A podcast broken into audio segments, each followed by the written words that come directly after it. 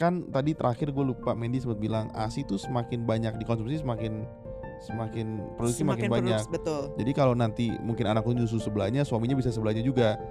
Biar makin banyak produksinya. Gila loh. Jadi Tutur eh, sampai situ aja. Oh, tapi kalau misalnya kayak gitu hemat hemat pompa dong ya Beb ya. Bener.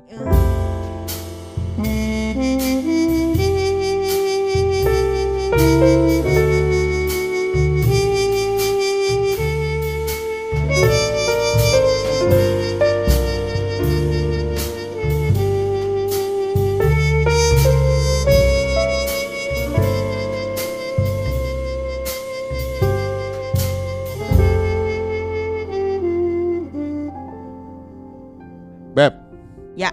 Yo eh, jadi udah sekian purnama kita nggak bikin podcast. Ih luar biasa. Luar biasa. Bener. Ro- romantis banget ya. Sekian purnama loh Beb nggak bikin Bener, podcast. bukan bulan ya Beb Purnama. Purnama, saking saking udah sibuk dengan anak.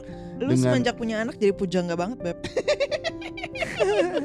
Enggak, karena nggak nggak bisa tersalurkan Beb kayak semuanya tuh nggak bisa gitu. Oh, Jadi kalau sama anak soalnya belum ngerti. Belum ngerti Heeh. mau bercinta nggak bisa, ngapa-ngapain nggak Oh, bisa. iya, bener, Jadi bener. susah kan. Udah capek. Heeh. Hari ini, ini ini kan kita kemarin bikin voting. Ada ada banyak lah teman-teman yang request topik. Salah satu tentang pasca melahirkan. Heeh. Karena nggak dipungkiri juga eh, banyak yang mungkin nggak tahu bahkan kita aja nggak tahu Heeh. apa yang terjadi pasca melahirkan karena kita belum pernah. Oh iya belum Jadi- dong. Nggak, maksudnya Bener jadi ini pengalaman pertama yang bikin kayak, hah, apaan nih pasca melahirkan gitu kan? Bener. Beb, pertanyaan pertama, menurut kamu perubahan apa paling signifikan ketika pasca melahirkan? Oke, yang pertama menurut aku paling signifikan adalah perubahan prioritas, terutama soal waktu. Karena kalau misalnya dalam waktu itu biasanya kan 24 jam punya lu gitu kan. Hmm. Terus lu bisa tidur kapan aja, mau 8 jam, mau 6 jam gitu, tergantung kerjaan lah gitu ya. Tapi kali ini nggak bisa karena ada seekor, eh seekor, sebuah bocah kecil yang membutuhkan Anda selama 24 jam dan tiap 2 jam sampai 3 jam itu pasti mau nyusu gitu. Jadi butuh dikasih makan. Dalam artian yang biasa lu bisa tidur 8 jam, 6 jam sepenuhnya. Nah, sekarang tiap 2 jam lu mesti bangun gitu. Jadi maksudnya perubahan waktu kan? perubahan waktu. gitu. Ta- Tahu nggak? Banyak banget, banyak banget orang tuh yang mikir gini, ah, yang paling berubah pasca melahirkan tuh badan, Badan. jadi gede, jadi gemuk. Buat oh iya, terutama. stretch mark. Stretch mark. Uh-uh. Menurut gua, gue setuju sama Mendy. Yang paling berasa tuh perubahan waktu sebetulnya. Betul. Karena waktu lu hilang jadi sangat signifikan. gitu. Betul, betul. Waktu itu kita kan sebulan pertama kita nggak pakai uh, pembantu, Pembantu jadi begitu nggak pakai suster, orang tua mertua juga nggak ada karena Benar. kan Jadi purely cuma berdua berdua doang gitu. Nah itu itu benar-benar ngalamin di mana waktu tuh nggak ada, Betul. Ka- karena lu nggak bisa ngapa-ngapain gitu. Exactly, Apalagi terbatas. Terbatas kan, apalagi Mendy tuh masih eksklusif, jadi bener-bener Uh-uh, nggak bisa ke mana-mana lah ke mana-mana, gitu. Mesti like- mana-mana plek-plek sama anaknya iya. gitu. Jadi jadi apalagi dikit nangis dikit nangis gitu kan. betul. Mungkin mungkin banyak orang yang nggak tahu. Ketika nggak semua anak, tapi ketika asi eksklusif kan orang suka bilang gini, kan udah ada pumping di pompa gitu, kasih Uh-uh. botol bisa. benar-benar. Nah, ternyata mayoritas anak kalau udah di pumping it, pakai botol itu dia nggak mau nyusu lagi. Iya, Jadi kayak- dot itu Iya. uh-uh, jadi bingung puting istilahnya. Dan kalau dia udah nggak mau nyusu lagi, produksi air susu menurun. Uh, kemungkinan besar Iya. karena nggak mungkin kan lu pumping serajin lu nenenin Iya. gitu. Jadi itu itu banyak hal yang nggak tahu. Tapi kita akan bahas khusus tuh kayaknya Uh-uh, menarik soal itu. betul. Nah, oke beb. Eh, ini Kalau menurut kamu beb, kamu belum jawab perubahan terbesarnya apa? menurut gua perubahan terbesarnya itu eh, mental. oh mental. Yo, jadi misalnya. jadi jadi lu lu jangan pernah berpikir eh setelah pasca melahirkan tuh hidup tuh lu lu dan istri lu Ah, doang betul, betul, betul. atau bahkan gua sendiri doang Ya. karena bahkan buat diri sendiri pun nggak ada selain karena betul, waktu ya betul. kayak lu uh, fo- fokusnya terus kemudian tenaganya dan gue mesti bilang gue sekarang ngerjain kerjaan tadinya dua jam gitu ya bisa setengah jam setengah jam Ya. karena harus ngejar waktu dia tidur kan Benar, benar. kita podcast sekarang aja nih setengahnya ada, ada bayi sebetulnya bener karena tiap tiap misalnya tiap dua jam sambil misalnya nunggu nyusuin eh, ganti pampers terus tiap setengah jam mungkin dia gumoh Enggak, enggak. muntah ganti Beb, Beb, baju Beb, gitu kan. Ba- banyak yang nggak tahu kita udah ngulang ini rekam di depan pakai video. Tapi karena it doesn't work masuk terus akhirnya kita take ulang di benar kamar. karena tiap 10 menit eh, anaknya nangis nyari mamanya. Nah makanya ak- makanya gue gua jadi merasa em, sisi eh, psikologis lu akan berubah gitu. Betul, mental lu akan betul. berubah ketika lu punya anak betul. gitu. Karena banyak yang berubah lah gitu. Apalagi sebulan pertama ya. Itu Betul. benar sebulan pertama kan transisi lu dari lu berdua ke bertiga. Betul betul. Kita udah bulan kedua tuh udah lebih tahu lah Tahu, gitu ya, mesti setelahnya udah mengenal anak begitu gitu ya pulang pertama itu itu yang berat banget benar-benar makanya banyak orang wanti-wanti baby moon gitu-gitu kan Iya, kan. post, eh baby apa, blues post, post, baby moon. uh, pes- postpartum syndrome, Nah. eh uh, apa depression gitu ya. Hal- hal-hal gitu yang yang kita sih untungnya puji Tuhan nggak ngalamin ya Beb ya. Iya benar kita sih lempeng-lempeng aja Benar. Tapi nggak jarang banyak orang yang sampai maksudnya waktu kita di rumah sakit juga suster bilang, wah ada lah gitu. Am- uh, sampai dia mama, sampai dia balik lagi ke rumah sakit untungnya sih ke susternya ingat gak dia cerita ah gitu masa sih? loh ya suster bilang iya balik ke sini lagi karena dia stres di rumah akhirnya mau ke rumah sakit lagi masuk untuk dia dijaga sama suster Oh, kan ya kalau gue dengernya banyak mama-mama yang nggak mau ketemu bayinya. Karena uh, baby blues Iya, iya, iya, gitu. iya, iya, Jadi iya. pas melahirkan baru aja melahirkan baru keluar terus udah nggak mau ketemu bayinya gitu. saya ini pertanyaan bagus sebetulnya what makes us eh, nggak ngalamin baby blues Menurut kamu nggak tahu ya. Menurut gua kalau misalnya gua ngomong secara religi mungkin karena anugerah. Hmm. Tapi selain itu mungkin karena em, kita saling saling support lah Uish, gitu. Sebagai mantap. suami istri itu eh, support sistemnya paling penting. Jadi kalau misalnya sebagai istri suami nggak support gitu ya, apalagi nggak ada pembantu, nggak ada asisten rumah tangga, nggak ada mami papi, itu bakal berat banget gitu. Dan itu menurut gue ya bakal mudah banget buat eh, postpartum depression. betul Gitu. jadi eh, buat teman-teman yang yang mungkin tanya kenapa sih ada yang ngalamin baby blues ada yang enggak Heeh. lu mesti cek support system lu sebetulnya Benar, number one benar. is suami atau istri pasangan Betul, itu betul, karena teman-teman gue mesti bilang gini ketika lu pasca melahirkan itu kondisi fisik tuh lemah sekali Betul. Jadi maksudnya kondisi kondisi fisik itu lu tidak kondisi fisik itu lu tidak bisa tidak lu lu lu nggak tahu mesti ngapain kan Benar. Menu- kalau kalau menurut gue sih terutama suami buat suami ya karena pas lu pulang lu punya dua pasien Hmm. yaitu istri lu dan anak lu gitu yang tadinya pergi ke rumah sakit cuma bawa satu buku pasien yaitu mamanya pulang-pulang bawa dua buku pasien buat anak dan mamanya gitu jadi mamanya masih pemulihan anaknya masih baru lahir gitu loh Hmm. baru pertama kali ke dunia Hmm. gitu Jadi lu stresnya eh, dua ka- ka- karena mamanya juga bingung kan karena dia juga kondisi sakit kondisi lemah juga sebetulnya. Betul, heeh, masih belum prima kan Hmm. gitu, baru melahirkan gitu. Itu yang menurut aku bikin berat sih. Mungkin mungkin banyak banyak banyak orang yang nggak yang nggak realize juga menurut kita kan eh, sesar ya waktu itu ya. Heeh, Kita mau bilang bahwa pasca melahirkan itu memberikan ASI itu lebih susah daripada operasi sesar. Oh iya. Jauh lebih sulit gitu. Bener, Itu- lebih sulit itu- daripada em, apa hamil juga bahkan. Betul, betul, betul. Jadi kondisinya memang lu lu mesti persiapan lah itu, Bener. gitu.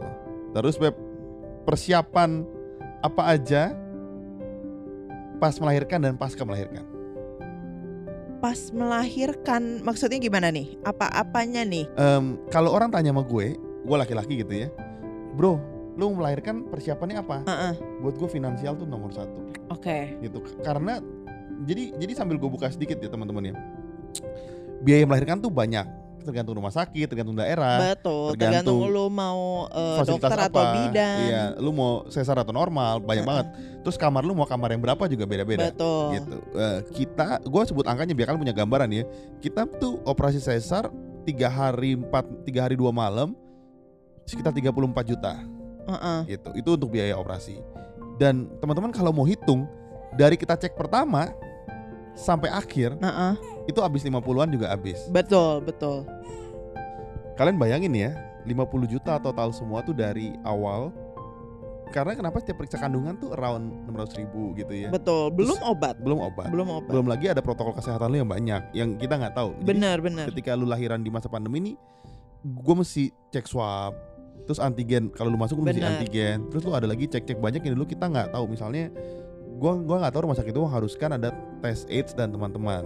Itu habis duit sekitar 3 jutaan 2,8 Benar. gitu. Tes Jadi darah. tes darah. Jadi maksudnya banyak banget hal yang dicek yang kita juga nggak tahu. Jadi kalau lu estimasi gue dari awal sampai habis sampai kita keluar itu sekitar 50-an gitu. Betul, betul. Belum banyak setelah pasca melahirkan kan banyak faktor yang lain gitu. Betul. Gitu kan. Nah, maksud itu gue jadi- belum maksudnya itu baru sampai anaknya lahir loh ya belum anaknya vaksin cek dokter ah luar biasa deh pokoknya itu itu tau gak? belum kalau dia sakit kuning waktu Oh, itu kita baru ah, ah. keluar terus tiba-tiba Ah, masuk benar. lagi rumah sakit ini nggak jadi ini kita keluar hari Rabu terus habis itu Hari Jumat Jumat, masuk masuk, lagi rumah sakit. Jadi lu bayangin barang-barang baru dikeluarin dari koper terus di packing lagi. Karena anak kita kuning waktu itu jadi mesti langsung disinar. Dulu dulu kendalanya begini teman-teman. Ketika sebulan pertama kita nggak ada yang bantu kita bingung kan kondisinya ketika pulang ke rumah mau ngasih makan boro-boro mikir jemur. Nggak mikir jemur. Nggak. Mikirnya cuma makan doang. Gimana caranya bisa Uh-uh. makan kan? Kondisinya sulit waktu itu.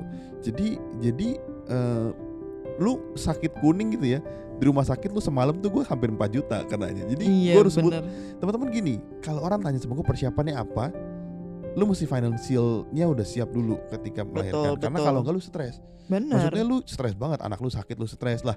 Gua yang tanda kutip udah nyiapin karena udah tahu nyiapin aja gue stres keluarnya. Maksud gue gitu. Bener bener apalagi lu gak persiapan. Bener-bener apalagi kalau misalnya lu biasanya em, tabungannya dikit em, misalnya sombong kamu. Eh secara kamu sombong. Nggak, nggak, kamu maksud, banyak maksudnya. maksud gue kalau misalnya lu eh, dari pas menikah awal-awal aja lu nggak suka nabung Hmm. Nanti pas lu harus em, udah punya anak itu ada pengeluaran tambahan yang banyak banget Iya, iya, gitu iya. dan lu bisa bakal stres banget Mm-mm. karena mungkin lu belum siap untuk ngurangin gaya hidup Iya, gitu iya, ya atau bukan eh, tiba-tiba anak sakit apa gitu misalnya diare tiba-tiba gitu Lu- lu dan lu banget. belum ada duit gitu Hmm. kan nggak mungkin Woi. kan nggak dibawa ke rumah sakit gitu iya iya itu sih nah kalau dari aku orang tanya itu persiapannya Hmm. kalau orang tanya sama kamu persiapan melahirkan tuh apa Kalau menurut gue ya yang salah satu yang gue sesalin adalah Hmm. gue eh, tidak menyangka menyusui itu sesusah ini.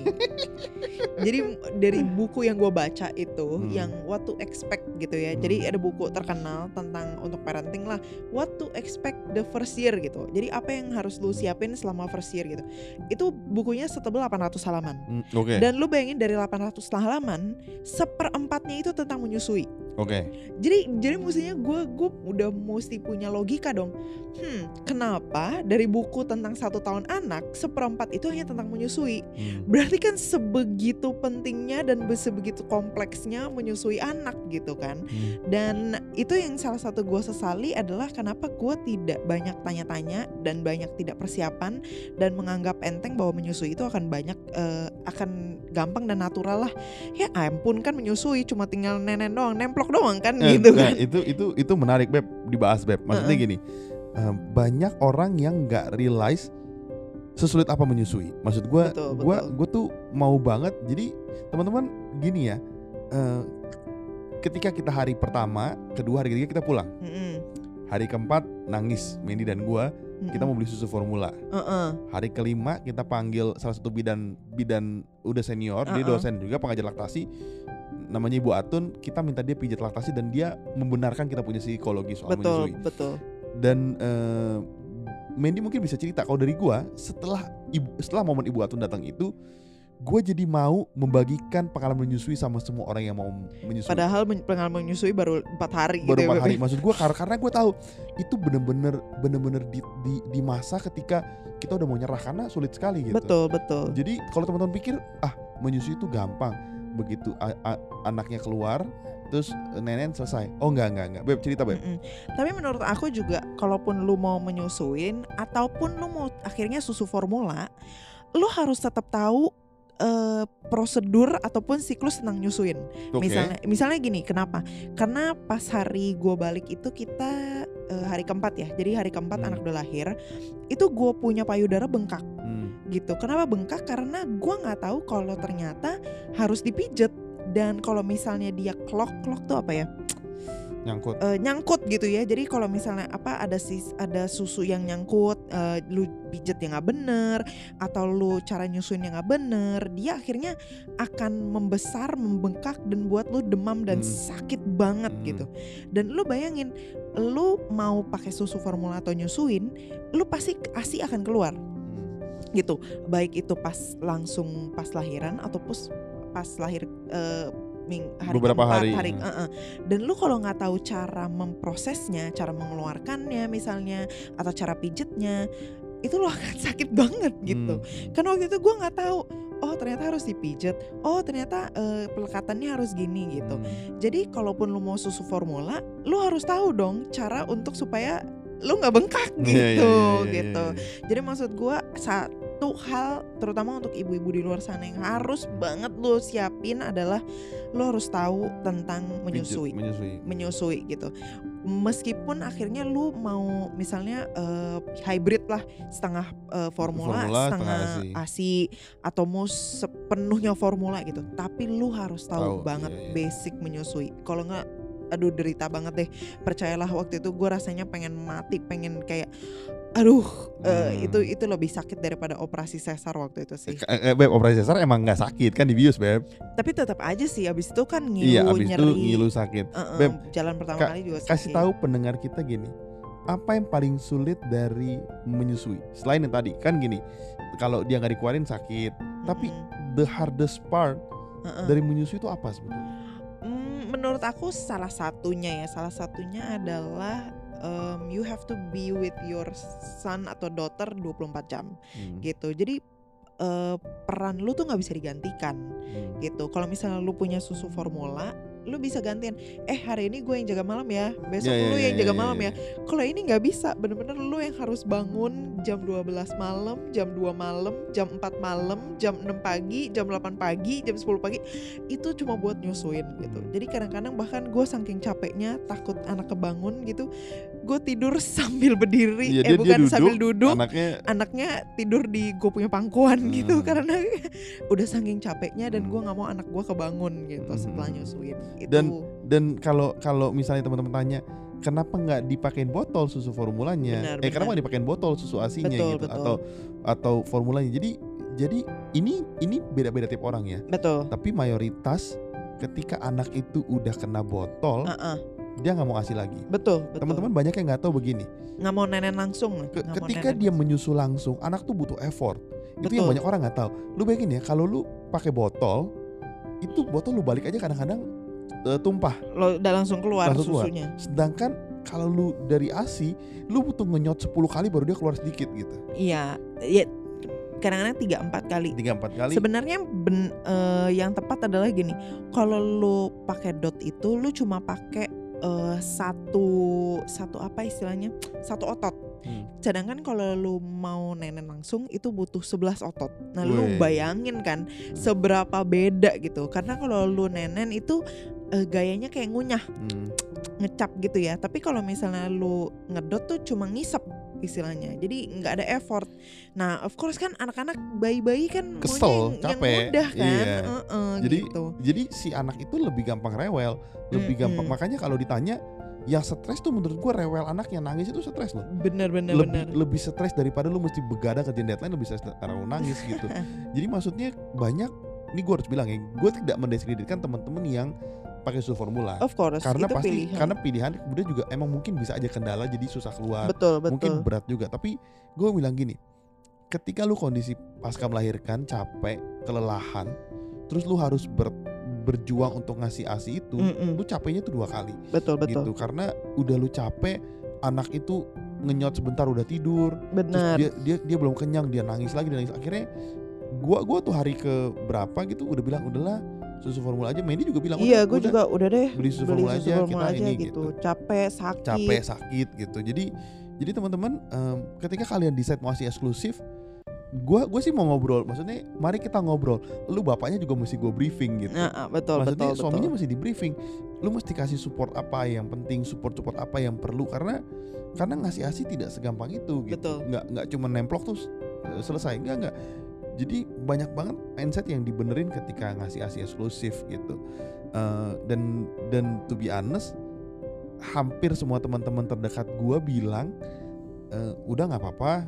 Dulu anakku juga nggak apa-apa kok gitu. Hmm, ya memang nggak apa-apa juga. Ya gua gua Betul. setuju gitu. Cuman gua tahu eh, Mandy pernah bilang gini asi itu kan emang made for baby gitu betul betul. memang diciptakan untuk baby jadi Mm-mm. memang Tuhan udah kasih dan gitu. terkhusus untuk bayi lu gitu. ya khusus untuk bayi lo gitu jadi dengan keadaan dia saat itu gitu kan. jadi a- akhirnya dari situ eh, Mandy sih harus gua akui salut banget Gu- eh, dia berjuang sangat keras untuk terus ngasih asi ini ini cerita sedikit waktu bayi kita sebulan lebih gitu ya Mm-mm. Mandy masuk rumah sakit dia kena muntaber kan Iya, diare akut Diare kalau diagnosanya. Jadi kita tiga hari dua malam di rumah sakit. Nah, Iya. rumah sakitnya tuh bukan rumah sakit anak RSIA Betul, bukan. Jadi umum. umum jadi anak nggak berani kita bawa lah Heeh. gitu akhirnya anak itu pakai botol tiga, Tiga hari. hari. ada mertua ada orang tua di rumah Eh, terus eh, terus eh, orang tua dan mertua bilang gini anaknya diem kok anaknya anteng banget diem kok gitu Heeh. kok kalau sama kamu anaknya rewel gitu Mm-mm. gua gua kan susah bilangnya ya anak itu kalau di botol jangankan orang tua ini teman-teman yang dengar kalian nih ini ke rumah megangin botol anakku juga anakku diem gitu nggak Mm-mm. harus karena gampang nyusunya Betul. anak anakku nggak rewel memang tapi Betul. ketika ngasih asi kan dia capek kan Heeh, capek. dia bener. lebih rewel gitu nah ketika tiga hari kita balik anaknya nggak mau nenek lagi Bener, langsung bingung puting. langsung anaknya langsung nggak mau langsung rewel nangis nangis Heeh. gue sempet gue sempet bilang aduh udahlah kasih formula aja udah sebulan cukup kan tapi Hmm. Mandy gigi beli alat apa beli dipaksa anaknya buat nyusu akhirnya kondisinya balik Benar, nyusu lagi benar.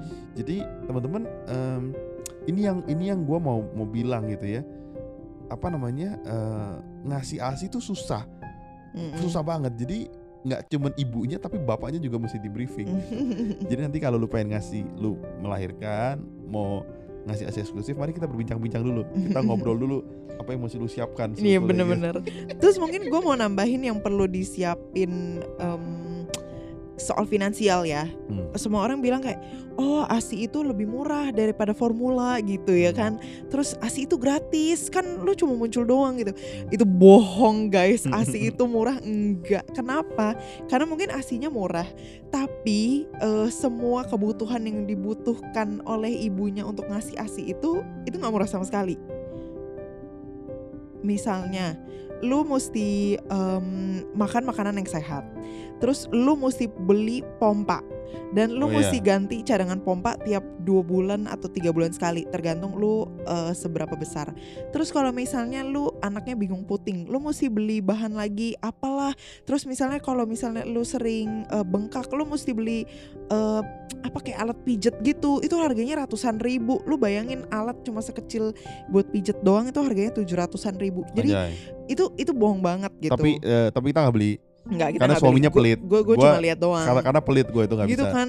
Lu bayangin dari semua kebutuhan anak kita yang paling mahal itu bukan baby crib, bukan tapi pompa asi. pompa asi itu mau 2 juta lebih itu lu mahal. camkan baik-baik ya Dan itu bukan yang termahal, banyak Iya. pompa asi yang lebih mahal, gitu. iya. Dan dan itu spare partnya harus diganti tiap tiga bulan Hmm. gitu. Spare partnya bukan cuma 50 ribu, bukan 250 ribu satu pompa gitu kan. Lu mesti dua punya payudara, berarti gopek setengah juta dua bulan tiga bulan gitu kan.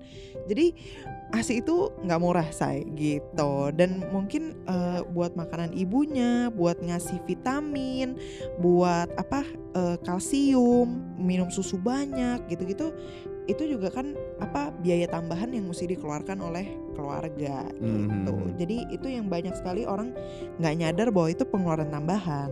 jadi jadi menurut kamu lebih lebih murah susu formula coba kita bandingkan dengan asi ya susu Coba formula coba ya. nanti kita hitung-hitung ya gitu kan.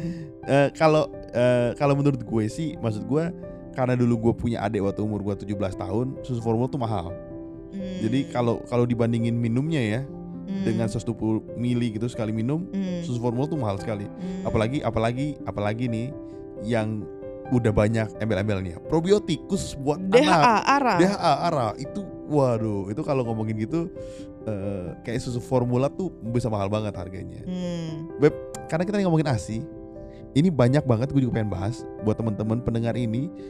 Ada banyak mitos-mitos yang berkembang soal ASI mm-mm. ini gue pengen bahas banget eh, supaya kalian tidak mengeluarkan uang untuk hal yang tidak perlu Oke.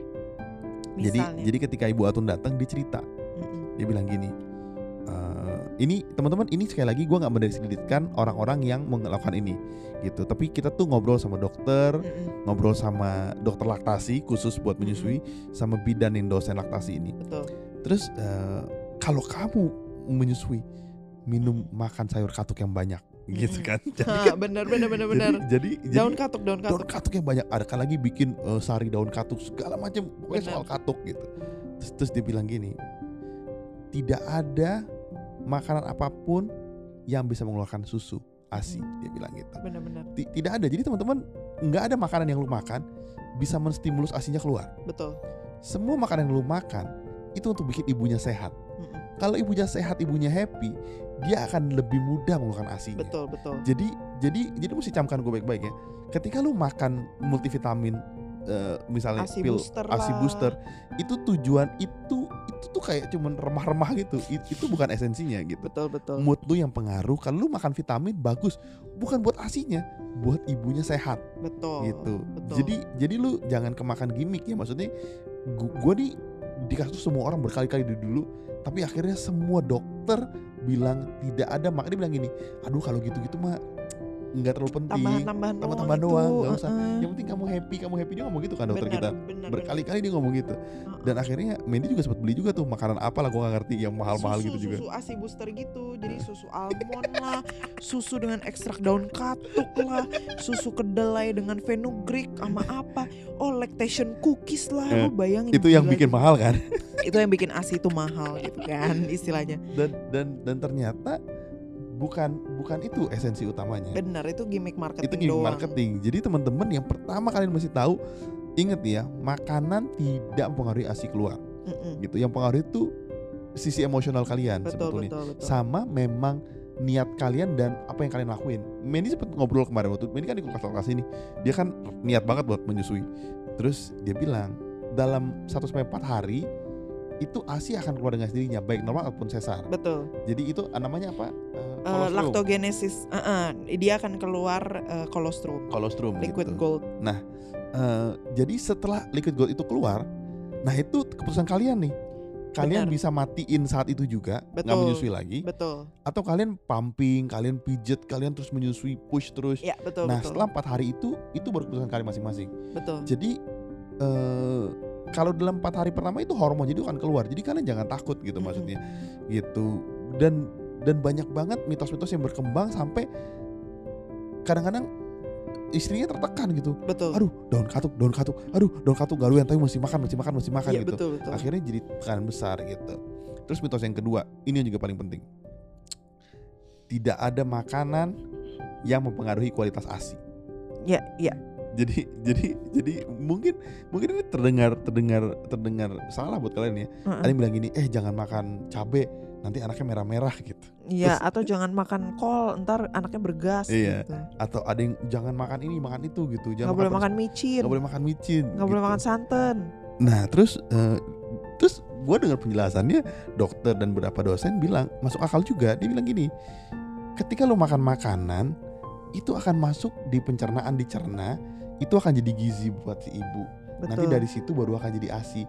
Jadi ketika lo makan rendang, rendang itu nggak keluar jadi asi gitu, nggak rasa Yang rendang. Asi lu gitu. nggak rasa rendang. Jadi jadi itu, itu itu juga sebuah paradigma yang salah betul, gitu. betul. Tapi kalau lu makan cabai kebanyakan lu sakit perut tuh jadi nggak bisa nyusui dengan baik kan. Betul, lu jadi diare. Jadi misalnya. diare gitu. Jadi konteksnya bukan soal asinya, Betul, tapi lu kalau sakit imun lu menurun, betul. otomatis lu lu jadi nggak enak, asi lu jadi nggak bisa keluar. Betul, betul. Jadi itu tidak mempengaruhi asi secara langsung. betul, Ada dua yang mempengaruhi asi secara langsung, alkohol karena langsung masuk ke darah betul. sama rokok. Betul. Jadi di luar dua itu makanan semua akan normal gitu kan. Iya. mm-mm. Jadi dua mitos ini menurut gue yang yang banyak jadi eh, orang diturunin terus menerus gitu. Mm-mm. Makanya gue sama Mendy bilang kalau ada teman-teman yang mau melahirkan, mari kita ngobrol supaya kita patahkan mitos-mitos ini gitu. benar. Gitu kan. Supaya lu jangan keikutan hal-hal yang salah gitu. Iya, ntar ntar malah jadi kasihan anaknya gitu. Mm-mm. Atau ada lagi yang anak di bedong biar kakinya lurus tuh juga sampai gue Itu keluar rumah lu aja sih beb kayaknya. enggak Gua sampai enggak. sampai gue keluar dari rumah sakit ya, gue tanya, sus emang kalau nggak di bedong kakinya bengkok? Enggak, sampai gue itu udah dodol gua banget. masih merasa gue. itu mitos benar. Dan anak gue begitu lahir kan nggak di bedong. Terus gue bilang gini, oke, gue akan buktikan sama semua orang anak gue kakinya lurus biar nggak pernah ke bedong dari rumah sakit. itu motivasi yang aneh untuk tidak membedong anak sih beb sebenarnya. Beb, kalau kamu eh, apa Beb? Mitos yang menurut kamu apa yang kamu merasa ini? Eh, tapi mungkin aku mau nambahin yang tadi juga sih. Jadi kan aku i- le- kita bukan eh, konselor laktasi, kita bukan dokter, Iya. tapi kita cuma maksudnya banyak tanya-tanya sama dokter. eh, terus gue ikut kelas, Kelas, menyusui kelas, gitu kan dari konselor laktasi em, sertifikasi gitu. Nah, em, jadi hal yang mempengaruhi keluarnya ASI itu cuma tiga sebenarnya. Hormon prolaktin, hormon oksitosin sama bahan bakunya, yaitu yang 90% ASI adalah air gitu. Hmm, Jadi hormon prolaktin itu yang bikin pabriknya gitu ya. Jadi pabrik eh, susunya gitu. Dan itu eh, cara ningkatinnya adalah supply eh, and demand. Jadi semakin banyak lo keluarin, se- eh, lo punya eh, susu akan semakin meningkat gitu. Karena tubuh lu, hormon lu akan mengatakan, oh ternyata ini eh, butuh banyak ya gitu. Jadi semakin lu banyak keluarin, semakin kosongin payudara, akan pabrik itu akan mengisi dengan eh, lebih cepat dan juga akan lebih banyak. Sedangkan kalau hormon oksitosin itu yang memperlancar istilahnya Hmm. itu em, yang membuat em, ASI itu keluar dengan lancar, dengan baik gitu dan anak eh, bisa dapat ASI dengan mudah gitu tanpa harus mengenyot dengan keras gitu ya. Hmm. Nah, terus kalau bahan bakunya air, makanya eh, ibu-ibu menyusui itu minimal harus minum 3 liter per hari. Kenapa? Karena kan manusia biasa itu minimal minum 2 liter. Sedangkan lu memproduksi ASI misalnya 1 liter per hari. Nah, lu perlu bahan baku ya 1 liter eh, air minum tambahan untuk produksi air susu gitu. Hmm. Lebih bagus lagi kalau 4 liter, 5 liter gitu supaya ada eh, apa pasokannya bisa lebih banyak lagi gitu. Jadi apa eh, kalau misalnya soal kayak ASI booster ini membuat eh, abis minum ini gue pumping langsung 200 mili langsung itu itu nggak nggak banget Hmm. gitu jadi mungkin em, disertai dengan dia rajin pumping misalnya gitu ya makanya eh, bersamaan dengan minum itu dia rajin pumping jadi keluarnya bisa lebih banyak Iya, gitu iya, tapi iya, bukan iya. minum daun katuk jadi lebih banyak enggak ada gitu urusannya nggak sama kayak itu. gitu Jadi jadi buat buat eh, teman-teman, beh beb sebelum ngomong ke situ berarti kan topik kita kali ini tentang asi dan menyusui. Pilotok Dan- podcast asi dan menyusui. persiapan eh, setelah melahirkan yang membuat kita shock Oke. Jadi eh, teman-teman kita mau bilang sekali lagi bahwa begitu kalian tank melahirkan Mm-mm, sampai seterusnya tuh akan banyak hal yang bikin kalian shock. betul Eh, satu finansial, finansial mungkin kalian udah tahu lah ya tanya-tanya teman. betul Terus culture yang berubah, jam tidur yang berubah. Ingat ya, stres itu bukan cuma soal lu kurang tidur, tapi stres itu menurut gua ketika lu nggak bisa tidur karena lu nggak tahu anak lu butuh apa gitu. Jadi jadi lu tertekan gitu. Kan lu nggak tahu dia butuh apa dia nangis terus nangis terus lu lu lu lu nggak tahu lu nggak tahu lu mesti ngapain apa, gitu. heeh. iya jadi lu stres gitu. Itu yang menurut gua lebih stres. Apalagi ketika kondisinya lu ngasih asi eksklusif istri lu sakit capek Mm-mm, terus kondisinya lemah gitu. Jadi itu jadi serba susah. Betul. Jadi pesan gua sebetulnya buat para suami gitu ya eh, buat para lu nih cowok jangan buru-buru menghamili istri lu. Loh, enggak tapi maksud gue begini. Ini gua asal sama lu ya. Lu kalau lagi pacaran pacaran yang benar. Tunggu sampai halal merit menikmati pernikahan terus siapin diri lu buat punya anak. Ya betul. Jadi lu jangan semudah itu hamil dan menghamili karena it's Betul, betul. it's it's hard loh maksud gue. Betul betul. Apalagi ketika lu ninggalin itu berat sekali buat anaknya gila maksud gue. Iya. Itu itu istrinya capek kasihan banget. Jadi maksud gua kalau lu masih pacaran ya lu nikmati karena prosesnya gue bilang seberat ini. Tapi gua harus akui setelah lewat sebulan itu happynya beda karena anaknya udah mulai bisa berkomunikasi. Udah kasih feedback udah ketawa iya, gitu. Udah bisa bener. ngenal itu menyenangkan. Tapi Betul, memang betul. proses sebulan itu berat sekali. Nanti kita mungkin bisa bahas khusus tentang sebulan pertama tuh gimana sebetulnya. Karena itu itu penting banget. Mental lu tuh teruji banget di sebulan Betul, pertama. betul. apalagi ketika kita berdua doang tanpa orang tua mertua dan suster Iya, gitu sebulan iya. pertama. Itu yang berat banget. Nah itu dari gue. Dari kamu beb pesan kesannya Em, apalagi ya pesan kesannya mungkin adalah em, penting banget gitu punya support system yang em, support Hmm. gitu. Karena to be honest kalau misalnya gue nggak punya suami yang support gitu ya atau bahkan in a time ketika misalnya Budi lagi capek Budi lagi nggak support gitu karena ya to be honest emang berat buat kita berdua gitu loh. Jadi mungkin ada masanya Budi juga lagi sibuk mungkin dia lagi banyak pikiran gitu. Dan itu efek banget sih ke emosional gue gitu as as a mother gitu. Karena aduh kok dia nggak perhatiin gue ya? Atau aduh kok dia kayaknya kelihatannya capek banget ya? Gue juga capek kok gitu. Kita sama-sama capek gitu kan. Tapi kok eh, lu banyak ngeluh atau nggak mau bantuin gue gitu. Jadi itu ngaruh banget ngefek banget ke eh, mental seorang eh, ibu gitu. Jadi maksud gue adalah gini ketika lu punya suami itu nggak support gitu ataupun siapalah mungkin lu nggak deket sama suami mungkin gitu ya atau suami lu nggak suka anak Bisa. nggak suka Itu- anak-anak itu, bisa bisa Eh, kan eh, lu lebih dekat sama suster gitu atau lu lebih deket sama mami lu buat Hmm. soal ngurus-ngurus soal anak ya lebih Hmm. percaya sama nyokap gitu misalnya nah dan lu harus make sure lu punya support system itu dengan sangat kuat gitu entah itu misalnya asisten rumah tangga lu hmm. atau nyokap lu gitu kasihan amat supaya asisten rumah tangga misalnya ya, ya who knows kan Beb kita kan nggak tahu gitu kan ini co- contoh cuma Hmm. maksud gue adalah lu harus punya support system Hmm, siapa pun itu hmm. yang lu bisa andelin dan maksudnya mereka juga ngerti bahwa eh, lu ngandelin dia Hmm. gitu Hmm. jadi mereka bisa support lu apa kek bahkan waktu awal-awal kita em, apa bawa Ethan ke rumah ya. Eh, Budi suapin gue beberapa kali gitu pas sarapan. Karena gue karena memang nggak karena bisa. karena gue baru bangun terus harus nyusuin lumayan lama gitu ya terus bayinya berdiri nangis. masih sakit. Eh, eh, berdiri masih sakit. Sedangkan gue udah lapar banget gitu loh. Udah apa nyusuin kan banyak makan kalori. Yaudah akhirnya beb nggak bisa nih. Eh, lo boleh nggak apa tolong apa suapin gitu. Saking gitunya gitu nah penting banget buat kalian. Siapa itu support system lo apakah disuapin asisten rumah tangga misalnya gitu ya, semoga jangan ya atau semoga disuapin suami lu ya. nyokap? Nggak tahu deh pokoknya atau kakak atau adik gitu. Hmm. tapi you just have to make sure ada orang yang bisa support lo siapa pun itu. I see. Jadi sampai situ. Oh iya satu lagi. Kan tadi terakhir gue lupa Mendy sempat bilang ASI tuh semakin banyak dikonsumsi semakin semakin produksi makin banyak. produksi, betul Jadi kalau nanti mungkin anak lu nyusu sebelahnya, suaminya bisa sebelahnya juga. Biar makin banyak produksinya. gila lo Jadi Tutur eh, sampai situ aja. oh tapi kalau misalnya kayak gitu hemat hemat pompa dong ya Beb ya Bener. Eh, eh, jadi sebelah kanan kirinya juga keluar Woi, bener. Sebenarnya Iya, pumping itu kan eh bener juga ya. bener terus suami makin gemuk jadi nggak cuma anak yang makin gemuk Gue gak tahu ini obrol masuk apa enggak tapi teman-teman mulai Eh, mulai Ya, jangan lupa ikuti Kacau. keseharian kita di Instagram kita @piloto.podcast atau juga di TikTok kita piloto.podcast. Betul. Jadi sampai situ aja. Sampai ketemu minggu depan. Kalau misalnya kalian mau tanya-tanya lebih lanjut atau mau curhat-curhat lebih lanjut, boleh DM kita ke piloto.podcast atau bisa email kita ke.